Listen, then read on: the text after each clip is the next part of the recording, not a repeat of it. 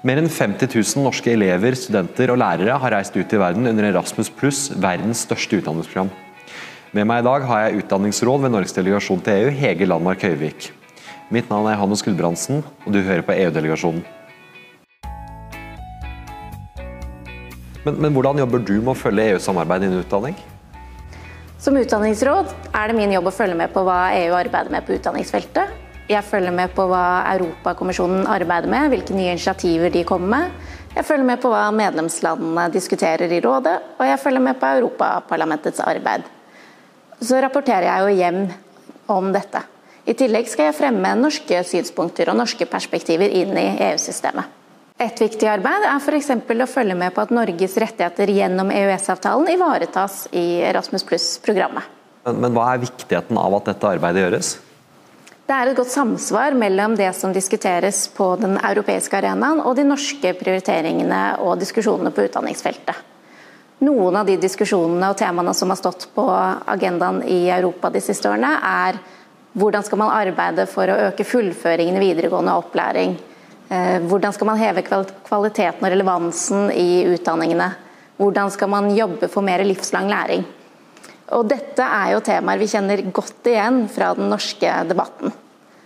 Så det foregår altså et stort europeisk samarbeid om de samme problemstillingene som vi har å jobbe med hjemme i Norge. Og her kan Norge delta i debatten og delta i erfaringsutvekslingen. Det er verdifullt å lære om hvordan andre land jobber med de samme problemstillingene som vi sitter med hjemme. I tillegg så er det viktig for Norge å være en aktiv partner for å fremme norske perspektiver og norske synspunkter inn eh, i EU. For noen som aldri før har hørt om Erasmus hva er det egentlig? Erasmus er EUs program for utdanning, opplæring, ungdom og idrett. Eh, det er faktisk verdens største utdanningsprogram. Erasmus pluss har eksistert i over 30 år, og Norge har vært med omtrent fra starten. For EU så anser man Erasmus pluss å være en suksesshistorie eh, og en viktig merkevare for EU. Eh, folk over hele Europa kjenner programmet, og det har nådd mange millioner mennesker i løpet av de nesten 30 årene programmet har eksistert. Hva er målene for Erasmus pluss? Overordnet kan man si at målet for Erasmus pluss er mer samarbeid og mer samhandling på tvers av landegrenser. På mange måter er det en fredstankegang i bunnen av programmet. Erasmus pluss skal jo føre til eh, høyere kvalitet i utdanningene. Ehm, det skal også føre til mer sosial inkludering. Erasmus pluss skal også bidra til de store overordnede prioriteringene og målsettingene i EU, sånn som den grønne og digitale omstillingen av Europa. Nå er man i gang med en ny budsjettperiode, eller en ny programperiode for Erasmus pluss, som skal gå fra 2021 til 2027. Eh, og det som er interessant å merke seg, er at budsjettet til Erasmus Pluss omtrent har doblet seg sammenlignet med forrige programperiode. Men EU arbeider jo med, med utdanning utenfor Erasmus Pluss-programmet også. Hvordan arbeider EU med utdanning? Utdanning og opplæring er nasjonal kompetanse og ikke en del av det man kaller EUs kompetanse. Det betyr at EU ikke kan regulere eller bestemme over medlemslandenes utdanningssystemer eller innholdet i utdanningene. Så er det allikevel utstrakt samarbeid i Europa om utdanning. Og Det er fordi man har like utfordringer og mange av de samme prioriteringene. Og Det er jo også fordi at fra EUs side så anerkjenner man den viktige rollen utdanning har i å bygge Europas fremtid. Siden utdanning ikke er EUs kompetanse, så skjer samarbeidet gjennom det man kaller den åpne koordineringsmetoden. Det betyr at man medlemslandene gjennom frivillig samarbeid blir enige om ambisjoner og prioriteringer og målsettinger. Og disse ambisjonene skal man så nå gjennom de nasjonale utdanningssystemene. EUs medlemsland har nettopp satt nye målsettinger som EU som helhet skal nå innen 2030. Og det er mål som handler om andelen unge som skal oppnå grunnleggende kompetanse i lesing, matte og naturfag. Andelen unge som faller fra utdanning, andelen unge som oppnår høyere utdanning osv. Europakommisjonen gir så ut årlige rapporter som viser hvordan hvert land ligger an til å nå disse målsetningene. Så de driver en slags naming and shaming for å få landene til å arbeide for å nå målsettingene. Europeisk utdanningssamarbeid handler dessuten om å utveksle erfaringer og beste praksis. Eh, det er relevant å høre hvordan andre land jobber med å øke fullføringen i videregående utdanning, hvordan andre land jobber med å få flere til å ta etter- og videreutdanning. Eh, så man sitter sammen i grupper på myndighetsnivå og diskuterer disse tingene. Og Her er Norge med i det europeiske utdanningssamarbeidet. Og Vi sitter med og diskuterer, lærer av andre land og bidrar med våre erfaringer. For Jeg personlig forbinder jo Rasmus Plus kanskje mest med, med, dette med studentmobilitet og utveksling. Men det handler jo som du nevner om mer enn det. Har du noen typiske eksempler på prosjekter som skiller seg litt fra det bildet der? Mange forbinder jo Erasmus Plus med mobilitet og studentutveksling for elever og studenter og lærere.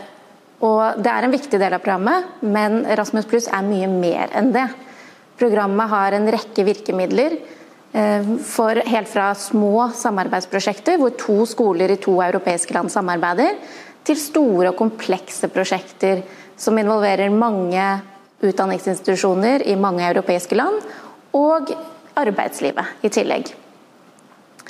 Samarbeidene kan involvere samarbeid mellom barnehager, mellom fag- og yrkesopplæringsinstitusjoner, mellom universiteter og høyskoler i Europa osv. Prosjektene i Erasmus Pluss kan også handle om erfaringsutveksling, det kan handle om å utarbeide nye utdanningsprogrammer, nyskaping i utdanningene.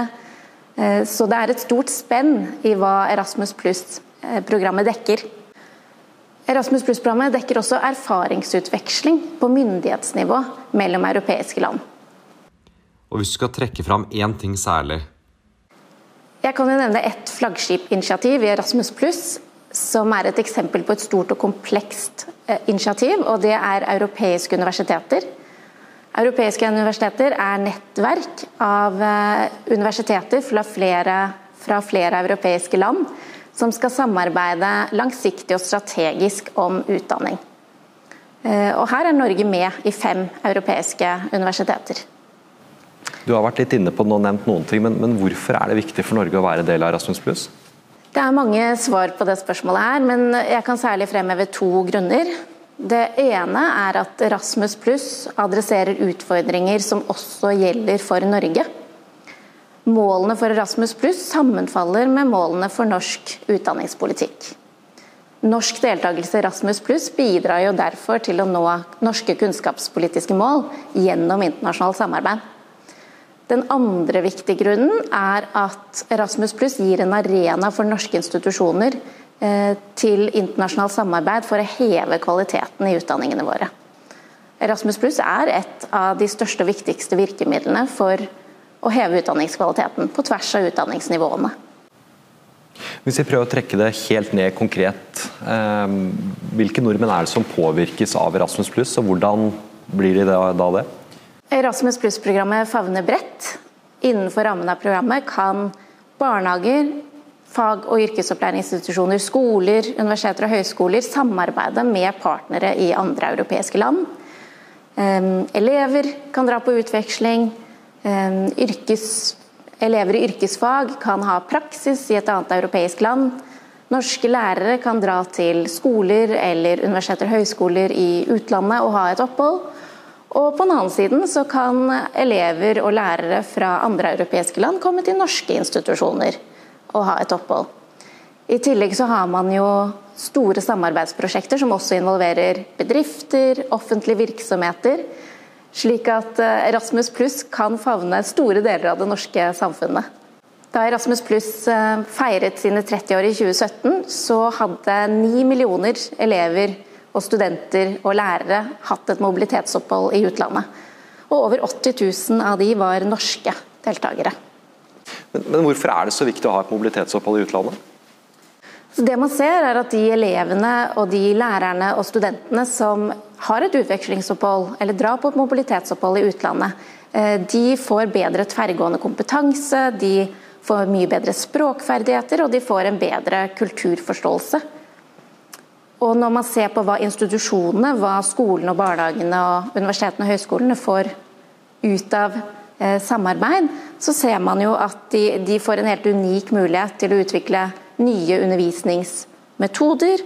Og en helt unik mulighet til å drive med langsiktig kvalitetsforbedringsarbeid i utdanningene.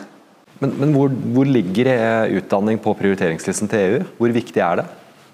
Det er interessant å merke seg at utdanning har kommet mye høyere opp på den politiske dagsordenen i EU de senere årene.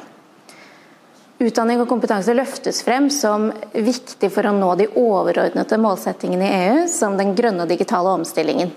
Ikke minst løftes utdanning og kompetanse frem som viktig for den økonomiske gjenoppbyggingen etter covid-19-pandemien. Utdanning er jo også en åpenbar arena for å fremme sosial inkludering og gi folk like muligheter. Og Det er også helt sentrale satsingsområder for EU. Det at utdanning har kommet høyere opp på den politiske dagsordenen i EU, er også synlig når vi ser at det nye budsjettet for Erasmus pluss-programmet i denne perioden omtrent har doblet seg sammenlignet med forrige periode. Men, men er det noen store sånn, eh, satsingsområder på utdanning for EU nå? En sentral ambisjon for det europeiske utdanningssamarbeidet de neste årene er å bygge det europeiske utdanningsområdet. Og Det europeiske utdanningsområdet er en visjon om et felles Europa hvor det å studere og jobbe og lære skal skje uavhengig av landegrenser. Det er satt flere mål for det europeiske utdanningsområdet.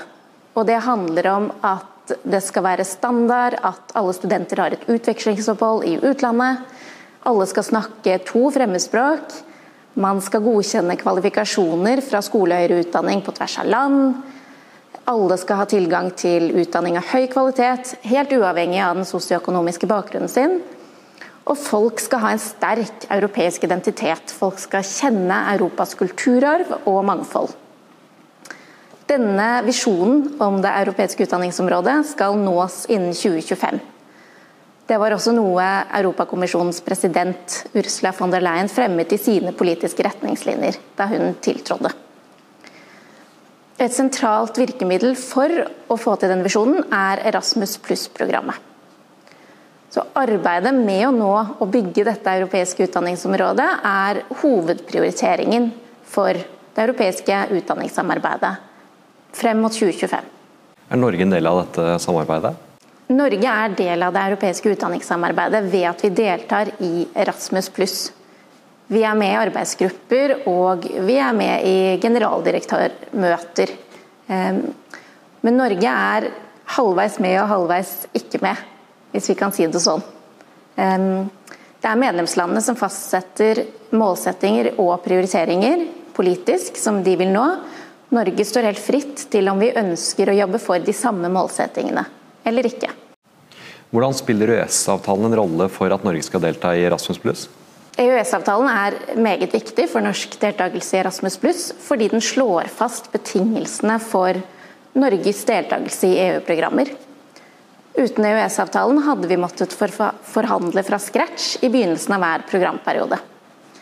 EØS-avtalen slår fast at når vi er med i et EU-program som Erasmus+, skal vi være med i hele programmet, og vi skal ha de samme rettigheter og plikter som deltakere fra EUs medlemsland. EØS-avtalen gir derfor stor grad av forutsigbarhet for Norge og for norske aktører.